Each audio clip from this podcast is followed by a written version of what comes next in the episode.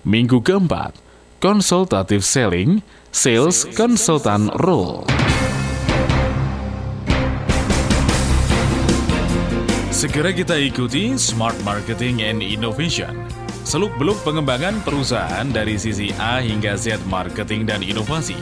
Bersama DSW, pakar dan praktisi bidang marketing dan inovasi, sekaligus Business Development Director SLC Marketing.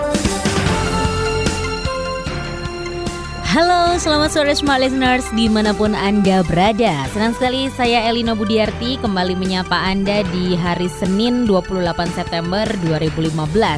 Semangat pagi. Meskipun sudah sore kita harus semangat pagi ya Smart Listener. Terlebih ini hari Senin. Semangat sekali saya Ya. kembali bertemu dengan Pak DSW. Apa Dan- kabar Pak DSW? Ya, dan tetap ceria. Tetap ceria. Karena masih, di Masih bulan September. September ceria. Ya, sore benar Mbak. Elina, Mhm. sore Mas Yoyo, sore Smart Listeners, di mana pun Anda berada saat ini. Keep Stupid, itu Iya, dia. oke. Keep stupid Itu untuk benar karena kita harus selalu haus akan pelajaran-pelajaran baru yang yang baru bermanfaat. Betul. bermanfaat. Oke. Sore hari ini ada yang spesial Betul sekali. Sama seperti minggu lalu, Minggu lalu. spesial, sekarang spesial juga. Kenapa Saya- spesialnya Pak DSW? Betul sekali. Saya undang teman baik saya. Mhm. Nah, yang mana beliau ini adalah praktisi. Kalau yang lalu di bidang kesehatan, kali ini praktisi di bidang makanan. Hmm, enak nih. Oke, langsung saja. Sore-sore gini bisa lapar ini kalau dengerin San Liu Chiu. Ah, itu dia. 369 Group. Jadi saya undang tamu saya Ibu Nuril Windarto. Beliau dari San Liu Chiu Group 369 adalah Markom Manager daripada San Liu Chiu sudah tujuh tahun ya Bu ya ber- bergabung di 369. Beliau tahun 2010-2011 dengan San Liu Chiu berhasil meraih The Best Chinese Resto in Surabaya Resto Award waktu itu. Kemudian beliau membawai tiga brand sekaligus yakni Shanghai Dumpling and Noodle ada 11 cabang di 8 cabang di Surabaya, 3 cabang di Jakarta. Kemudian juga membawai San Liu Chiu Cuisine ada satu cabang di Surabaya plus San Liu Chiu Kantin satu di Surabaya dan mau buka lagi di November besok Emporium di Emporium Bu ya di Jakarta Iya, yakni yang brand apa Bu yang di Emporium? Shanghai Dumpling, Shanghai Dumpling and Noodle. Noodle. Oke. Kita sapa aja Ibu Nuril Windarto. Selamat sore Ibu Nuril. Selamat sore, Ya, Pak Sandi. silakan. Apa kabar Bu Nuril? Iya. Baik-baik. Baik ya. Terima aduh, kasih kesempatannya diundang ke sini. Siap. Hmm, ya. prestasinya Kalau- luar biasa sekali Luar sudah biasa. Hmm. sudah layak sekali untuk jadi eh, mem- men-share pengalamannya sore hari ini bersama dengan Pak DSW dan semua Saya ke sini mau belajar ke Pak Sandi. Ah. Sama-sama saling belajar. Kalau Bu Nuril ini eh, setia sekali mengikuti segala acara SLC ya, Mhm. seminar, workshop, ikut semua lah kira-kira. Oke. Nah, kan teori aja Hmm, selama ini. Nah, coba kita kita bedah habis, kupas habis kira-kira teori yang telah diterima dari DSW atau SLC marketing ini nih, apa kira-kira yang bisa diaplikasikan di Saliojo khususnya. Terkait topik kita Bu Nuril hari Ya. ini adalah peran seorang sales consultant.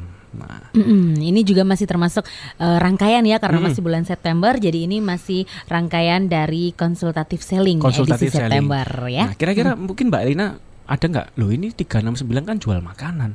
Katanya Pak DSW kan untuk B2B. Tadi iya, to saya mau. Nah, tanya ini juga itu retail kok kan gitu. benar, Nah, kok bisa gitu? Di mana gitu kan letak hubungannya Betul. nanti? Yang kita akan kupas 369 ini tidak hanya menjual jasa retailnya atau Mm-mm. melayani tamu walk in yang datang ke resto mereka, kemudian kita hidangkan makanan. Namun, nah Bu Nuril monggo langsung masuk. Ah Oh, itu langsung dia. ya. Saya jadi penasaran. Ini Silakan. bukan ulangan kan, Pak ya? Kalau anak SD ulangan. Bukan. Jangan khawatir seperti workshop ada tesnya. iya. Bu. ini radio seminar on air, sorry. Oke. Iya. Eh, jadi eh, B2B di sini kita sih berusaha untuk eh, menambah menambah produk yang kami tawarkan Mhm. gitu. Jadi eh, salah satunya adalah di brand yang Sanliu Cuisine kita sekarang sedang aktif ikut pameran wedding Mbak Iya. Lina. Oke. Mbak Elina.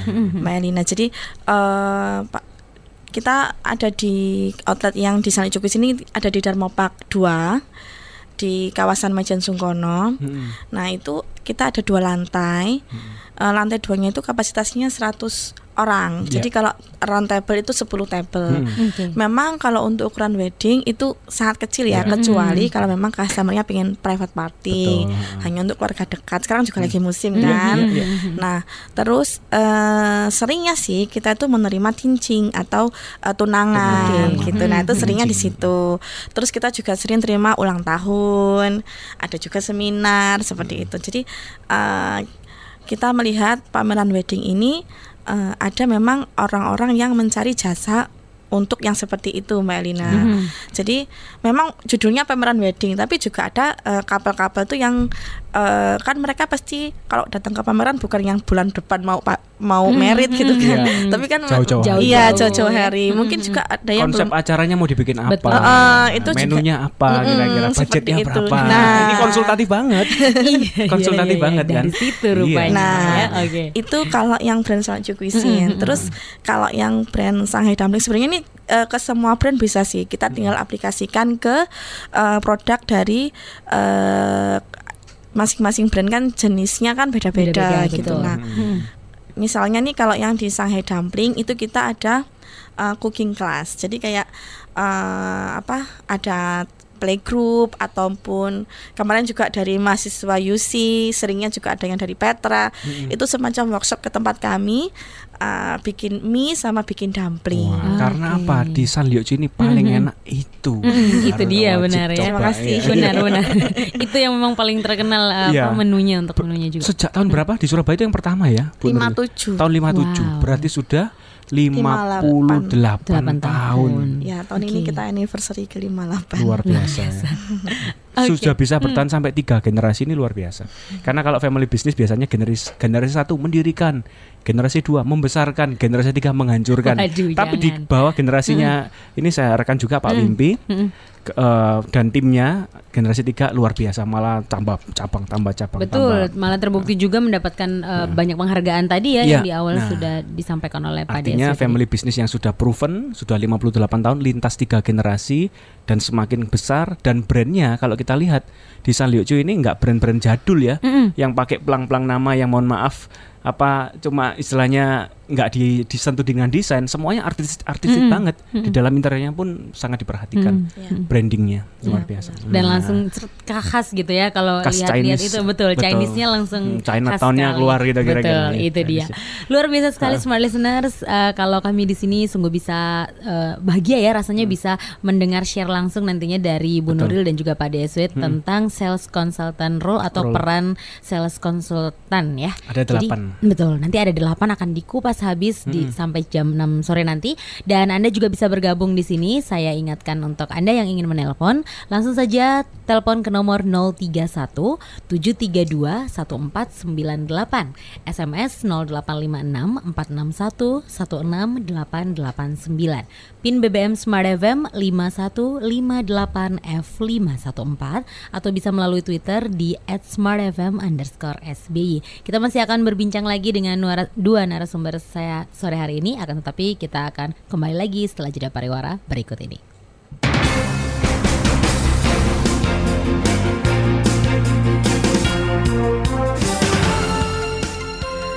...889 Smart FM Surabaya. Kita kembali lagi Smart Listeners bersama dengan dua narasumber Tentunya di Smart Marketing and Innovation Yaitu ada Pak Deswe. Dan sore hari ini membawa narasumber spesial Yaitu ada Ibu Nuril Windarto Selaku Markom Manager dari 369 Resto. Kalau Chinese spellingnya gimana tadi Pak Deswe? Sanliucu. San Liu Chiu itu dia Smart Listeners. Oke. Bukan Ji Samsu. Jangan beda ya 234 itu. Beda itu. Oke silakan langsung Pak Deswe. Oke, jadi kita uh, masuk ke materi yang terakhir Mbak Elina Mm-mm. dari rangkaian parade bulan ini sales konsultatif selling kan. Ya. Kita akhiri dengan hari ini kompetensi, uh, sorry, peran seorang sales consultant atau sales consultant role. Ada delapan peran. Seorang sales itu memang tugasnya satu, yakni menjual. Mhm. Seperti petinju itu tugasnya cuma satu, meninju Menju. atau ditinju. Nah, Dua ya, dua. oke. Seorang sales tugasnya juga dua, menjual atau ditolak. Ditolak ya bukan eh, dijual ya bukan dijual. Tugasnya cuma dua, tapi perannya ada delapan. Oke. Nah, perannya apa aja kira-kira? Seorang sales eh, perannya kita sekilas saja karena nanti saya akan overview detail satu demi satu ya. Mhm. Waktu pertama kali bertemu dengan calon klien, ini kan B2B kan? Ya pertama kali ketemu berperanlah sebagai murid dan sebagai dokter. Nah, Oke. dua peran pertama. Saat pertama kali ketemu sebagai murid dan seorang dokter. Saat setelah eh, kita pulang dan mempersiapkan proposal untuk mereka, saya penawaran lah istilahnya ya. Mhm. Kita berperan seorang sales berperan sebagai arsitek dan sebagai pelatih. Sebagai Oke. ar- arsitek atau coach sebagai pelatih. Itu peran ketiga dan peran keempat Mbak Elina. Mm-mm. Nah, waktu kita sudah kirim proposal, kita mulai nego-nego harga, bargaining, ya negosiasi dengan uh, calon klien yang bersangkutan. Peran kita yang ke lima dan keenam ya ini sebagai terapis dan sebagai negosiator. Ya, sebagai ter- ahli terapi atau ahli peru- dan ahli perunding. Itu peran kita yang kelima dan keenam. Sedangkan peran yang terakhir saat klien sudah membeli jasa kita, jangan ditinggal, jangan Oke. hit and run Mm-mm. tapi kita berperan sebagai guru, sebagai teacher, dan yang terakhir sebagai petani atau farmer. Nah, jadi ada delapan peran selain daripada peran sebagai seorang sales yakni menjual, Mm-mm. yakni ber, berperilakulah, berperanlah sebagai murid, dokter, arsitek, pelatih, ahli terapi, ahli perunding, guru, dan petani. petani. Mm-mm. Oke. Itu dia. Kira-kira Ada delapannya itu. Ya. luar biasa menarik sekali nih eh, apa eh, yang harus dilakukan gitu ya. Ada macam-macam gitu. Kita harus bisa multi talent di situ ya jadi Betul. seorang sales itu. Oke. Makanya ada apa lucuan ya, tapi Hmm. nggak usah di ini kayak kepanjangan ini kira-kira. Sales itu pasti masuk surga, Mbak Elina. Oh gitu ya. Iya betul sekali. Karena- Amin dong ya. Amin ya. Markom kan juga di bidang marketing Iya, dan sales. Saya juga benar, apalagi benar, kan benar. saya juga jualan. Nah, Mm. Eh, sales itu pasti masuk sur- surga kenapa? Ah, iya. Kenapa Mbak Elina? Eh, karena dia membawakan Ini cuk lo ya. Nanti dikira sungguhan man. karena Kan- dia bisa menjual produk membawakan keuntungan bagi perusahaan, dapat pahala dari situ. Amin ya. Karena kalau sudah kalau di dunia selama Hmm. hidupnya di dunia itu seperti sudah hidup di neraka. Nah, jadi kalau meninggal masuk surga. Enggak enggak itu cuk aja ya. Iya, iya. Ya, sales Oke. memang punya target, punya apa namanya eh, tugas yakni mencapai target yang ditetapkan perusahaan. Mhm. Sedemikian rupa kita nggak bisa cuma ketemu orang pertama langsung jualan. Ingat kita bukan produk booster, kita adalah problem solver. Solver, yes. Kita nggak bisa datang langsung sodori katalog, sodori produk, tapi kita berangkat dari mencari kebutuhan pelanggan. Masih ingat tipe apa, bagaimana atau bagaimana apa? Mm. Nah, kita kan harus What- apa apa dulu, buat Mm, dulu apa how. kebutuhannya, kemudian bagaimana kita memberikan Mm. solusinya. Mm. Nah, pertama berperanlah sebagai seorang murid saat mendengar kebutuhan-kebutuhan pelanggan yang Anda temui, calon klien tersebut ya kan? Nah, kira-kira Mbak Elina, murid itu kira-kira sifatnya macam gimana? Murid. Iya, Kita kan selalu semua ingin- pernah jadi murid toh waktu Betul. waktu dulu. Mm. Ya. Selalu ingin tahu, kemudian mempelajari gitu kira-kira apa yang jadi masalahnya lalu eh, mencari jawabannya Oke. begitu. kalau Ingin murid. ingin tahu eh, tanya kepada siapa? tanya kepada guru Gurunya. gurunya. betul. Gurunya yang pasti lebih tua, Mm. lebih pinter, lebih berpengalaman. Betul ya? Mhm. Nah, itulah jiwa seorang murid. Saat kita menemui calon klien, jangan berlagak sok pintar di hadapan mereka. Jangan berlagak Anda lebih pandai, lebih paham daripada calon klien Anda. Karena murid nggak gitu. Murid itu hormat, sopan, taat, segan pada gurunya, takut mungkin pada Mm-mm, gurunya. mm-mm. Karena gurunya siap menghukum kira-kira. Nah, sebagai murid adalah kita sebagai seorang sales konsultan kosongkan gelas Anda. Kosongkan gelas Anda, berangkatlah pada ini orang ini kira-kira mau seperti apa. Anda bertanya, lebih banyak bertanya kira-kira. Murid kan banyak bertanya. Mhm. Pak, Bu, kira-kira apa ya yang mungkin eh, Anda butuhkan saat ini yang kiranya kami bisa mem- memberikan apa yang Anda butuhkan. Nah, oke. Mhm. Nah, kira-kira kita ke Bu Nuril aja sebagai narasumber tamu kita ya. Em, Bu Nuril, Ya. di Sanliojo Group ya. Ini kan lagi eh, gencar juga selain daripada tamu walk in, melayani tamu walk in juga jual eh, paket-paket wedding ya kan. Pak eh, lebih tepatnya outside catering, Pak. Oh ya, outside Ya. catering ya, sorry. juga untuk ini kan tempatnya yang di atas lantai Ya, dua itu kan juga untuk ya, ya, untuk, untuk event sih event. ya. Seminar dan sebagainya, Mhm. acara gereja. Mhm. Nah, gimana Bu?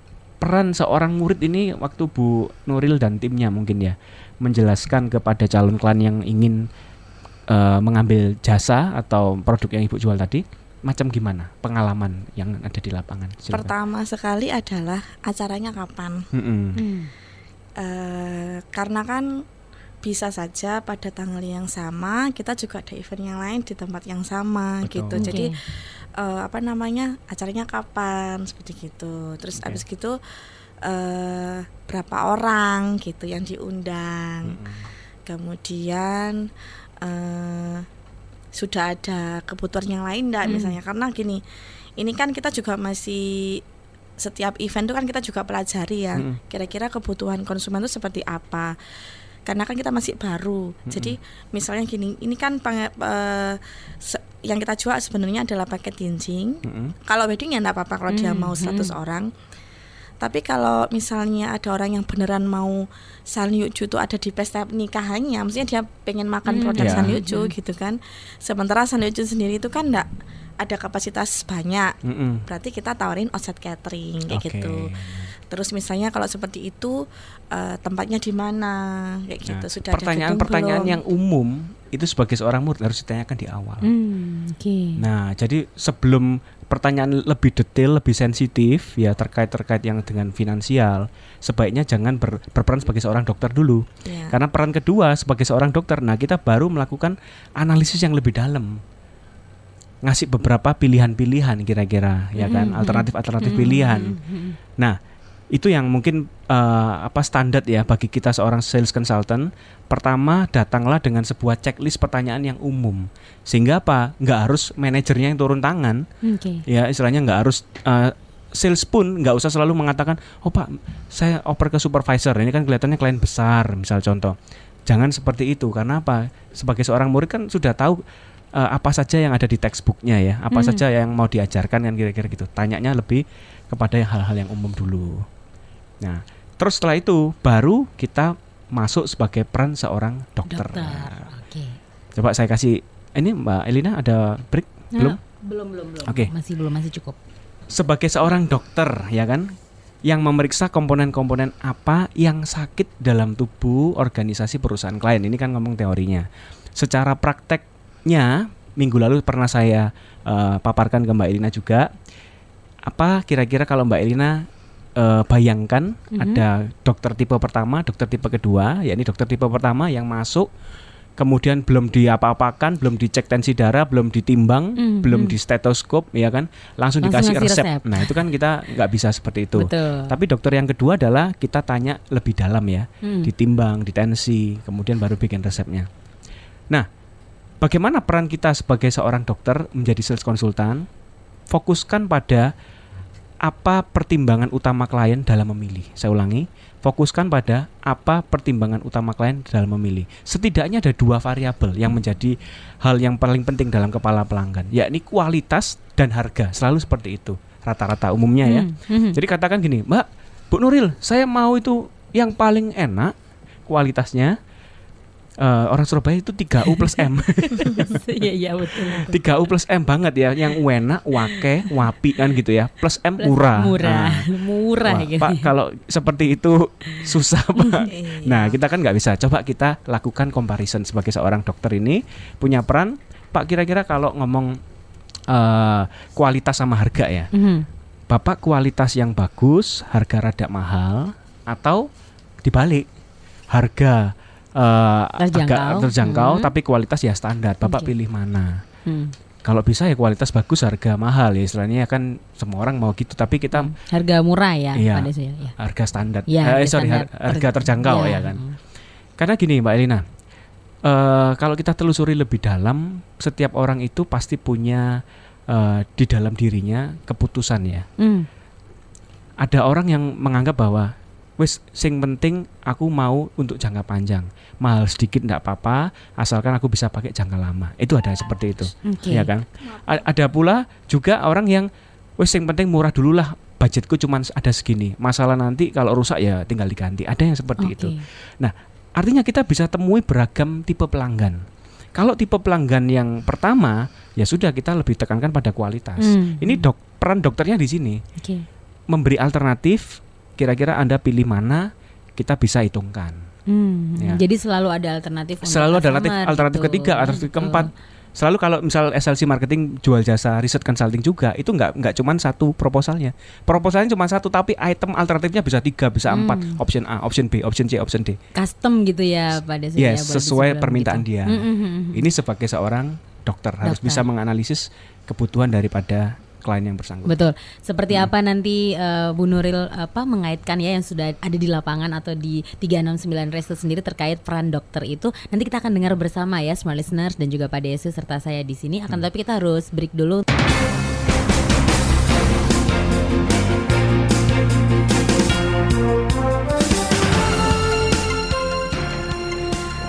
Selamat sore smart listeners di mana pun Anda berada Senang sekali saya Elina Budiarti kembali menyapa Anda di hari Senin 28 September 2015 Semangat pagi Meskipun sudah sore kita harus semangat pagi ya smart listener Terlebih ini hari Senin Semangat sekali saya Ya. kembali bertemu dengan Pak DSW Apa Dan- kabar Pak DSW? Ya, dan tetap ceria. Tetap ceria. Karena masih, di Masih bulan September. September ceria Ya, sore benar Mbak sekali. Elina, Mhm. sore Mas Yoyo, sore smart listeners di mana pun anda berada saat ini. Keep Stupid, itu Iya, dia. oke. Keep stupid Itu untuk benar karena kita harus selalu haus akan pelajaran-pelajaran baru yang yang baru bermanfaat. Betul. bermanfaat. Oke. Sore hari ini ada yang spesial Betul sekali. Sama seperti minggu lalu, Minggu lalu. spesial, sekarang spesial juga. Kenapa Saya- spesialnya Pak DSW? Betul sekali.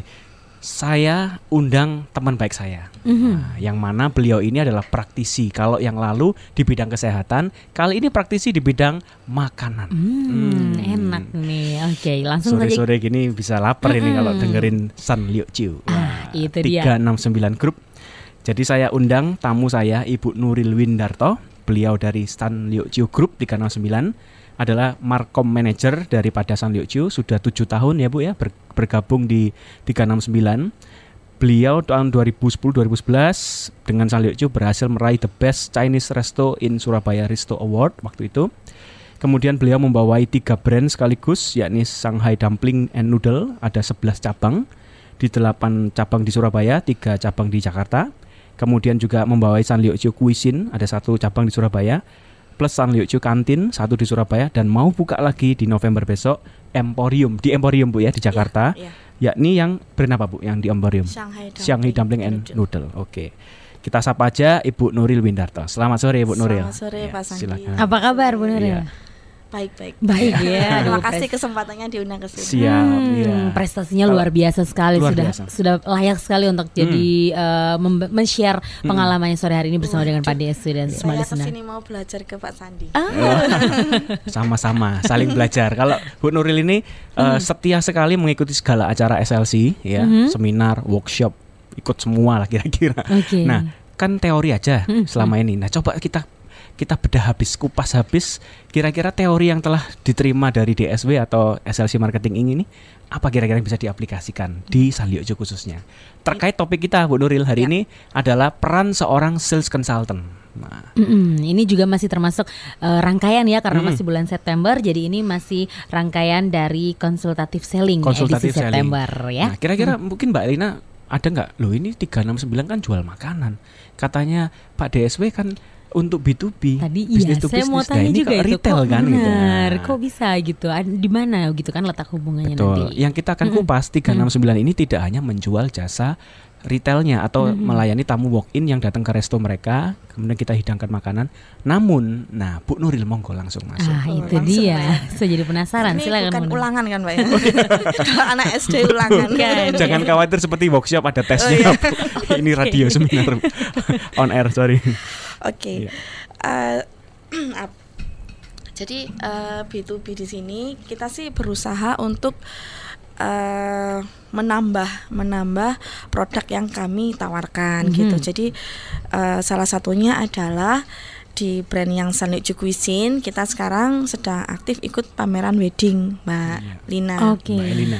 Mbak Elina. Jadi eh, Pak kita ada di outlet yang di Sanliu Cuisine ini ada di Dharma Park 2 di kawasan Majen Sungkono. Mm-mm. Nah, itu kita ada dua lantai. Eh, lantai duanya itu kapasitasnya 100 orang. Iya. Jadi kalau round table itu 10 table. Mm. Oke. Memang kalau untuk ukuran wedding itu sangat kecil ya, Iya. kecuali kalau memang customernya pengen private party, Betul. hanya untuk keluarga dekat. Sekarang juga lagi musim Iya, kan. iya, iya. Nah, terus eh, seringnya sih kita itu menerima cincing atau eh, tunangan Oke. gitu. Nah, itu Hmm, seringnya di cincin. situ. Terus kita juga sering terima ulang tahun, ada juga seminar seperti itu. Jadi eh, kita melihat pameran wedding ini eh, ada memang orang-orang yang mencari jasa untuk yang seperti itu Mbak Elina. Mhm. Jadi memang judulnya pameran wedding, tapi juga ada eh, couple-couple tuh yang eh, kan mereka pasti kalau datang ke pameran bukan yang bulan depan mau mau merit gitu kan. Hmm. Tapi kan Jauh-jauh hari. iya Jauh-jauh hari. Mungkin juga ada yang Konsep belum acaranya mau dibikin apa? Betul. Ah, itu juga- menunya apa Mm-mm, kira-kira budgetnya itu. berapa? Nah. ini konsultatif banget. Iya, Konsultatif iya, iya, banget kan? Dari situ Iya. rupanya. Nah, ya. Oke. itu kalau yang brand salju cuisine. Terus kalau yang brand Shanghai Dumpling sebenarnya ini eh, ke semua brand bisa sih. Kita tinggal aplikasikan ke eh, produk dari eh, masing-masing brand kan jenisnya kan beda-beda gitu. Nah, Hmm. misalnya nih kalau yang di Shanghai Dumpling itu kita ada uh, cooking class. Jadi kayak uh, apa? Ada playgroup ataupun kemarin juga dari mahasiswa UC, seringnya juga ada yang dari Petra. Itu semacam workshop ke tempat kami uh, bikin mie sama bikin dumpling. Wah, karena Oke. apa di San Liuchi ini paling enak itu. Mm, itu dia benar ya. Terima kasih. iya. Benar benar. itu yang memang paling terkenal uh, apa menunya untuk menunya juga. Sejak tahun berapa di Surabaya itu yang pertama ya? Bu Nuril? 57. Tahun 57. Wow. Berarti sudah 58 Delapan tahun. tahun. Ya, tahun ini Oke. kita anniversary ke-58. Luar biasa. Oke. Sudah bisa bertahan sampai tiga generasi ini luar biasa. Karena kalau family business biasanya generasi generasi satu mendirikan, generasi dua membesarkan, generasi tiga menghancurkan. Waduh, Tapi di jangan. bawah generasinya ini saya rekan juga Pak Wimpi ke- eh, dan timnya generasi tiga luar biasa malah tambah cabang tambah cabang Betul, tambah. malah terbukti juga mendapatkan uh, banyak penghargaan tadi ya Iya. yang di awal Nah. sudah disampaikan oleh Pak Artinya Desi family business yang sudah proven, sudah 58 tahun lintas tiga generasi dan semakin besar dan brandnya kalau kita lihat di San Liuchu ini nggak brand-brand jadul ya, Mm-mm. yang pakai pelang-pelang nama yang mohon maaf apa cuma istilahnya nggak di, disentuh dengan desain, semuanya artis artistik Mm-mm. banget. Di dalam interiornya pun sangat diperhatikan Mm. Ya. brandingnya luar Iya, biasa. dan Nah, langsung khas gitu ya kalau lihat-lihat Chinese. itu betul, Betul. Chinese-nya langsung Hmm, khas Chinatown-nya sekali. keluar gitu kira-kira. Betul, Ya, itu dia. Luar biasa sekali smart listeners Eh, kalau kami di sini sungguh bisa eh, bahagia ya rasanya bisa mendengar share langsung nantinya dari Bu Hmm. Betul. Hmm. Nuril dan juga Pak Deswit tentang sales consultant role atau Role. peran sales konsultan ya. Ada Jadi, delapan. betul, nanti ada delapan akan dikupas habis di sampai jam 6 sore nanti dan Anda juga bisa bergabung di sini. Saya ingatkan untuk Anda yang ingin menelpon, langsung saja telepon ke nomor 031 732 1498, SMS 0856 461 168889. PIN BBM Smart FM 5158F514 atau bisa melalui Twitter di @smartfm underscore SBY. Kita masih akan berbincang lagi dengan dua narasumber saya sore hari ini, akan tetapi kita akan kembali lagi setelah jeda pariwara berikut ini.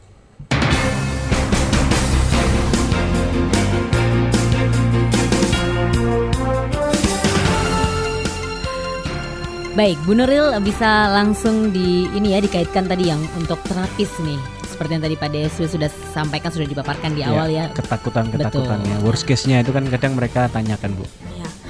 Eh, biasanya sih kalau kita lagi event di pameran wedding itu kan eh, banyak yang pesen untuk paket buffet ya, maksudnya prasmanan. Prasmanan. Nah, kadang yang sering ditanyakan itu adalah porsinya. Hmm. Oke. Jadi portioningnya, ini kan kalau di brosur kami itu kan kita bilangnya per pax misalnya kalau di, di kita ada yang minimum eh, 75, ada yang minimum 100 ribu gitu. Mhm. Nah, kan bilangnya per pax itu eh, bilangnya kan per orang Mbak Yana. Hmm. Biasanya orang loh nanti kalau misalnya saya pesen 300 apakah itu porsinya juga untuk 300 orang? Iya. Nah, kayak Tergantung gitu. tamunya. Kalau yang datang nggak ya, seperti gitu. saya, cowok-cowok suka makan kurang. Kalau yang datang seperti Mbak Elina, kecil-kecil, kelebihan nanti. Nah. Ah, Gimana Bu sebagai seorang terapis ini? Nah, biasanya kita gini Pak, eh, kita jelaskan mengenai eh, porsinya gitu. Memang eh, kalau memang seperti ini kita eh, sebelum-sebelumnya kan kita juga ada dokumentasi tuh dari apa eh, klien-klien sebelumnya yang pesan di tempat kami. Ah, Hmm. kata Terus juga- kuncinya adalah data history. Betul, Ya. dokumentasi Punya tadi dokumentasi gitu yang ya. tadi. Oke. Terus Penting. termasuk juga misalnya kita juga ada dokumentasi untuk eh, penataan mejanya, terus menunya seperti apa. Jadi mereka ada visualnya Yes. gitu. termasuk juga eh, benefit-benefit lain kalau misalnya eh, ambil paket ini misalnya gitu Hmm, misalnya hmm, kayak hmm. oh sudah ada dekorasinya oh dekorasinya seperti itu ya kayak gitu kan Hmm. ada foto-fotonya dari situ sudah ngalir diskusi-diskusi lain misalnya lo ini perpeksinya berapa gitu kalau saya ambil segini ada diskonnya ndak kayak gitu. atau Oke. misalnya oh saya nggak mau menu ini bisa diganti ini ndak Nah, gitu ini negosiatornya perannya keluar nih. Oke. Peran ke-6 adalah sebagai negosiator. Negosiator. Nah, tadi Bu Nuril terakhir ini ini ada diskonnya enggak? Kalau tak ganti ini ada pengurangan Menu, harga enggak? eh, Menunya ada mm-mm. berubah enggak? Ini negosiatornya keluar perannya, Bu. Mm-mm. Kalau kita sih sebisa mungkin mengakomodasi semua kepentingan konsumen ya, karena namanya rezeki kan nggak nggak nggak baik ditolak pak Iya, ya. betul. Eh, jadi kalau di outset catering kami kita ada eh, tagline-nya save money high quality. Wah, Wah. mantap. Save money high quality. Ini Benar, karena ya. kita juga belajar dari pameran-pameran sebelumnya, Mm-mm. kemudian kita juga belajar dari eh, orang-orang yang datang yang pesan di tempat kami gitu, Hmm. kebutuhannya seperti apa. Jadi di tempat kami save money high quality. Berarti ini benar-benar memenuhi tipe orang Surabaya tadi ya, Pak Iya. Ya? Orang Iya. Surabaya kalau dikasih gini pasti seneng. ini. Iya. Mm-mm. Tadi apa UM itu teh? 3U plus M ya. Itu dia. Soalnya kalau sudah bicara menu, Mm-mm. sudah bicara benefit itu agak panjang. Mm-mm. Sampai akhirnya nanti senjata terakhirnya keluar. Ya, senjata terakhir itu apa, Bu, kira-kira? Eh, budgetnya berapa, Bu? Nah, itu dia senjata Ini terakhir ya. peran terakhir sebagai negosiator ya, peran keenam, Uh-huh. yakni senjata terakhir. Itu kalau sudah benar-benar orang ini niatnya piye sih? Kok PHP terus ini kira Dari memberi tadi. harapan palsu. Itu yang terakhir, jangan di awal. Saya pernah ketemu satu eh, satu kali, saya pernah cerita nggak ya? Waktu di Landmark ya, eh, ada satu showroom lah, saya nggak usah sebut nama. Baru deketin aja, Mhm. baru mau lihat ngelengok dari jendela. Pak ini 850 juta. Digituin. saya. Buset. Hmm. Oh iya Mbak, makasih saya tinggal udah. Jadi belum belum Pak eh, lihatnya dulu tak apa nggak Kak, tanya dulu. Hmm. Wah luar biasa dia langsung mainkan peran negosiator di depan. Ya pasti orang kan tersinggung kan akhirnya. Iya. Nah jangan sampai seperti itu. Nah itu Iya. ngomong senjata terakhir Bu Nuril Mm, bilang budgetnya kira-kira ada berapa Pak kita bisa bantu? Masih mau bantu loh. Nah Ya, soalnya jangan dari di depan. Eh, eh, dari situ Hmm. kita juga bisa lihat eh, kayak kesungguhan dia itu seperti apa. Mhm. At least paling dia juga oh eh, apa kalau sampai itu sudah ndak di ini berarti memang cuman cari informasi dulu. Oh, oke kita kan ndak maksa juga. Betul. Mungkin dia butuh waktu untuk mempelajari penawarannya, ya nggak Hmm, apa-apa. hmm. Karena kadang juga kejadian eh, sudah jalan-jalan ke stan, sudah nanya-nanya, bentar mbak ya saya iniin dulu sama keluarga.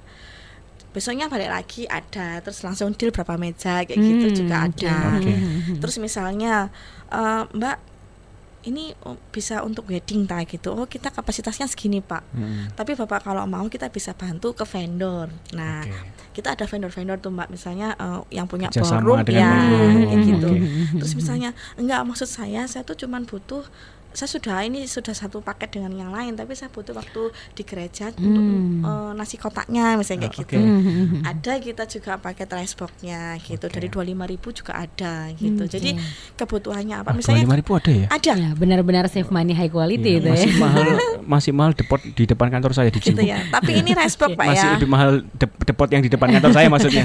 Dijual Luar ya. tapi nasi kotak pak ya Mm-mm. ya. Oke oke. Oke baik, Eh, beranjak ke selanjutnya. Ya oke. Pak Nah ini Yusuf. peran ketujuh peran ke-8 adalah peran di mana klien sudah deal, sudah beli, sudah bayar, sudah DP dan menikmati jasa kita atau produk yang kita jual. Hmm. Kita Oke. berperan sebagai guru dan berperan sebagai petani. Apa itu kira-kira sekilas saja? Sebagai seorang guru, guru ini kan selalu menciptakan impian, menanya, kamu besok besar nak mau jadi apa? Oke. Nah, cita-citamu apa? Mm-mm. Itu menciptakan ekspektasi murid-muridnya. Saat kita sudah nanganin satu klien sudah jalan, jangan lupa ciptakan kebutuhan baru. Kira-kira kalau misal tingjingannya CC yang pertama, tacik yang pertama, Hmm. Bu AI ah, apa namanya bibi ya kan Mm-mm. kalau orang Chinese Mm. bilang AI anaknya yang kedua kapan? Tingginya Nah, iya, lamarannya benar. kapan kan gitu kira-kira. Ciptakan kebutuhan baru. Jangan cuma berhenti satu klien deal anda selesai di sana. Sayang. Peran kedelapan adalah peran sebagai seorang petani mbak Elina. Oke. kalau bisa kita kan berternak ya ikan atau ternak apa pun dari kecil kita biarkan sampai besar. Demikian apa? Kalau bisa satu klien ini terus di tempat kita nggak pindah ke mana-mana. Jadi kalau sudah pernah pakai jasa kita katakan di San Liuju kalau bisa anaknya yang pertama kedua keting, ketiga tingjing wedding di sana semua Oh, siap. bahkan Mm-mm, mungkin mm-mm. ponaannya Semuanya se- di situ tetangganya sudah, nah gitu. ini kan sebagai petani kita akhirnya merawat Oke, klien betul. tersebut sedemikian rupa selalu setia sama kita. Mm-mm. Nah, monggo, mungkin ada pengalaman khusus sharing dari Ibu Nuril Ya. Betul. brand yang lain yang sudah setia benar sama San Liuju sedemikian nggak akan selingkuh. Hmm. Monggo. Kalau ini kejadiannya barusan aja sih Pak. Ya, Jadi kemarin itu kita eh, ada terima outside catering di kawasan wisata Bukit Mas, pindahan rumah. Oke. Itu 50 packs ya. Mm-mm. Karena sebelumnya dia pernah ngerayain ulang tahun, anaknya pernah ngerayain ulang tahun di tempat kami. Mm-mm. Jadi terus eh, beberapa bulan kemudian dia order untuk eh, Pindahan pindah itu rumah, tadi ya. seperti itu. Terus kalau misalnya eh, yang tincing itu ini seperti kata Pak Sandi, Des, tapi bukan saudaranya, temennya. Ah, oke. Kayak gitu temennya. Referralnya keluar Tapi akhirnya. kalau temennya biasanya kayak gini Pak Sandi. Iya, gimana? Dulu teman saya dapat ini gitu. Wah. Hati-hati sih. kita harus berperan lagi nih, balik jadi pelatih lagi. Iya. Dulu Nah. teman saya dapat ini, dapat ini Mbak gitu. Saya Bisa nggak dapat yang Eh, sama? eh, gitu. Padahal itu Dulu. temannya. Iya. dulu. Dulu. Perlu digarisbawahi dulu. Nah, ini sekarang beda dengan dulu. gitu. Oke. Nah, kalau misalnya ini kan memang real case ya. Masih ada waktu Mbak Lina? Masih Sedikit. masih masih ada. Real case-nya adalah saat kita direferensikan orang, Bu. Sebagai petani kita berhasil peran kita. Wah, saya dikenalin ini bagus di sini. Boleh nggak uh, penawaran yang teman saya saya pakai di sini? Nah, ada beberapa hal yang bisa kita lakukan. Nah, kira-kira apa? Yang pertama adalah kita pastikan case yang dulu itu seperti apa. Kita jangan lupa data histori kita punya. Oh, dulu Bu, dia pesen 100 packs. Nah, Ibu pesen berapa packs misal. Nah, kalau cuma pesen 50 packs, mohon maaf Bu, belum Hmm, bisa. Oke. Jadi samakan dulu, samakan terlebih dahulu ya antara keadaan yang lampau dengan yang diminta sekarang. Kalau sama persis, kita masih bisa bantu. Hmm. Memang terkait masalah inflasi ya. Hmm, hmm, hmm. Harga bahan-bahan kan naik semua. Nah, mungkin ada di sana kita bisa nego di sana. Tapi kalau sudah benar-benar case-nya beda, nah kita juga jangan serta-merta mosok Bu eh, ini dibantu saya enggak. Nah, ini kan ngomong Win-win solution. Uh, uh, Hmm. menjanjikan uh, apa namanya nanti bu kalau bolehlah saya referensikan teman-teman saya itu kan kalau nanti Iya kan? Iya kalau direferensikan kalau enggak. enggak kan kita juga istilahnya harusnya cuannya lumayan Eh. keuntungannya gara-gara nolong orang ini cuan kita berkurang kan gitu ya. keuntungan kita Iya. berkurang Jangan Nah, juga gitu ya. Kadang memang dilemanya Hmm. seperti itu Pak Sandi. Misalnya Mm-mm. kita kan juga nggak pengen kehilangan konsumen Calon ya, klien eh, gitu ya. gitu. Mm-mm. Tapi eh di sisi lain ya tetap harus mempertimbangkan sisi profitnya juga betul sih.